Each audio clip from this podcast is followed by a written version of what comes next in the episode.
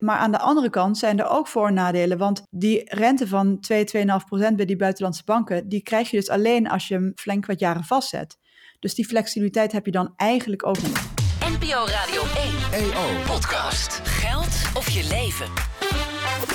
De vraag van vandaag met Sandra Flippen en Sander Heijnen. En de vraag van vandaag komt van Marijn den Dunne. En zij heeft volgend jaar wat geld over. Nu wil ze weten wat slimmer is. Aflossen op de hypotheek of vastzetten tegen spaarrente. Nou Sandra, jij werkt bij een bank en je staat op het punt om te verhuizen. Ja, nee, dit is, dit is een hele goede vraag. En ik heb me die zelf ook gesteld de afgelopen tijd. Marijn gaf ook nog wel wat achtergrondinformatie. Wel 2% op haar hypotheek. En ze zegt bij een aantal, eh, vooral buitenlandse banken, gaat de spaarrente nu al naar 2, 2,5%. Dus dat komt heel erg bij elkaar in de buurt. Maar dan moet je wel die spaarrente vastzetten voor vijf jaar. En daar komt de crux. Want eh, Marijn zegt van, is het niet veel verstandiger om dat geld eh, niet af te lossen op mijn hypotheek en in plaats daarvan te sparen?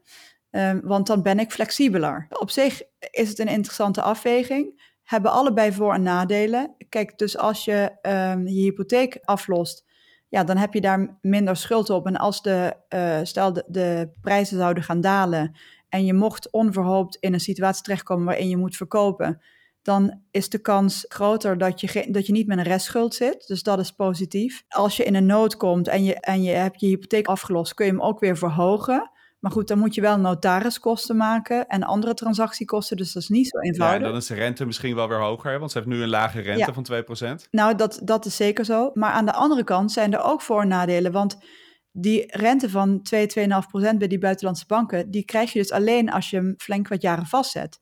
Dus die flexibiliteit heb je dan eigenlijk ook niet. Nee, dus je kan eigenlijk gewoon vijf jaar niet bij je geld, hè, het voorstel zoals zij dat doet. Het is dus in zekere zin lood om oud ijzer. Dus eh, op, op de spaarrekening kom je eigenlijk een aantal jaar eh, niet aan dat spaargeld. Dus die flexibiliteit heb je niet. En bij je, eh, als je je hypotheek aflost, ja, dat is toch een soort eenrichtingsverkeer. Het is niet zo makkelijk om dat weer terug te draaien. Dus die flexibiliteit is er daar ook niet. Als je de som echt goed wilt maken, moet je ook nog naar de hypotheekrente aftrek Ja, kijken. Hè? Klopt. Ja. Dus je krijgt nog iets geld terug. Dus ik denk als je het sommetje maakt, dat je per saldo iets meer geld overhoudt. Als je het inderdaad in zo'n deposito zet, hè? dus dat je het gaat sparen. En wat ik denk, ik heb deze discussie namelijk thuis wel eens eh, intensief gevoerd. Volgens mij is het ook iets persoonlijks. Dus dus mijn, eh, mijn vrouw is bankier en die heeft het ook gewoon uitgerekend. En die, nou, we, hebben, we hebben ons geld overigens niet eh, in deposito's vastzitten. Hm. Maar ik zou graag mijn hypotheek aflossen, versneld, omdat ik dat een prettig idee vind om geen schulden te Ja. hebben. En zij zegt, ja, maar onze hypotheekrente is zo laag, het levert eigenlijk niet zoveel op om dat te doen. Nee. Dus waarom zouden we? Ja.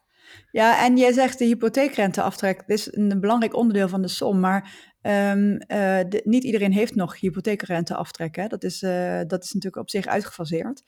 Ehm, dus bij sommige hypotheken, bij so- voor sommige mensen eh, geldt dat nog, maar niet voor iedereen. Nee, maar hij is nog niet helemaal afgebouwd, toch? Ik bedoel, als je nu een nieuwe aflossingsvrije hypotheek hebt afgesloten, heb je het niet. Maar Ja, annuitair heb je hem in principe nog, toch? Weet ik niet zeker eerlijk gezegd. Maar het, het, in ieder geval, het, het, het grote afbouwen is begonnen, laat ik het zo zeggen. Dus ehm, het is in ieder geval in mindere mate dan, eh, dan vroeger voor mensen speelt het een rol. Ja, dus ik denk, ik denk eigenlijk dat, dat het weinig uitmaakt. Inderdaad, behalve misschien wel het belangrijkste is die gevoelswaarde. Omdat je Ja, echt- dus daar echt- voel je beter veel bij. Ja, je voelt je beter. Echt veel meer flexibiliteit eh, genereer je er niet mee. Eh, ja, dus als we hem eigenlijk samenvatten. ehm, ik denk dat er nog één puntje is wat we moeten toevoegen. En dat is ook, zet niet al je geld vast. Hè. Zorg dat je een deel van je geld liquide houdt voor tegenvallers. Ja, dan zou je eigenlijk kunnen zeggen dat ehm, het is een beetje lood om oud ijzer. eh, in termen van als je, wil, als je flexibel wil zijn, eh, dan is zowel het aflossen van je hypotheek of het vastzetten van je spaargeld voor langere tijd, geeft allebei weinig flexibiliteit. Maar wat het wel is, is dat je ehm, als je aflost, ja, dan heb je lagere maandlasten.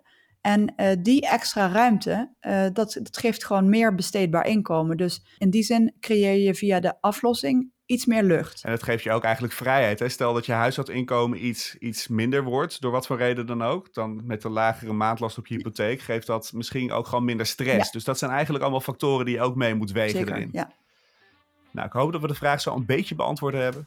Eh, heb jij ook een vraag? Stuur hem dan naar podcastradio1.eo.nl. Dit was hem voor vandaag en morgen komen we weer met een nieuwe vraag. NPO Radio 1 EO. podcast.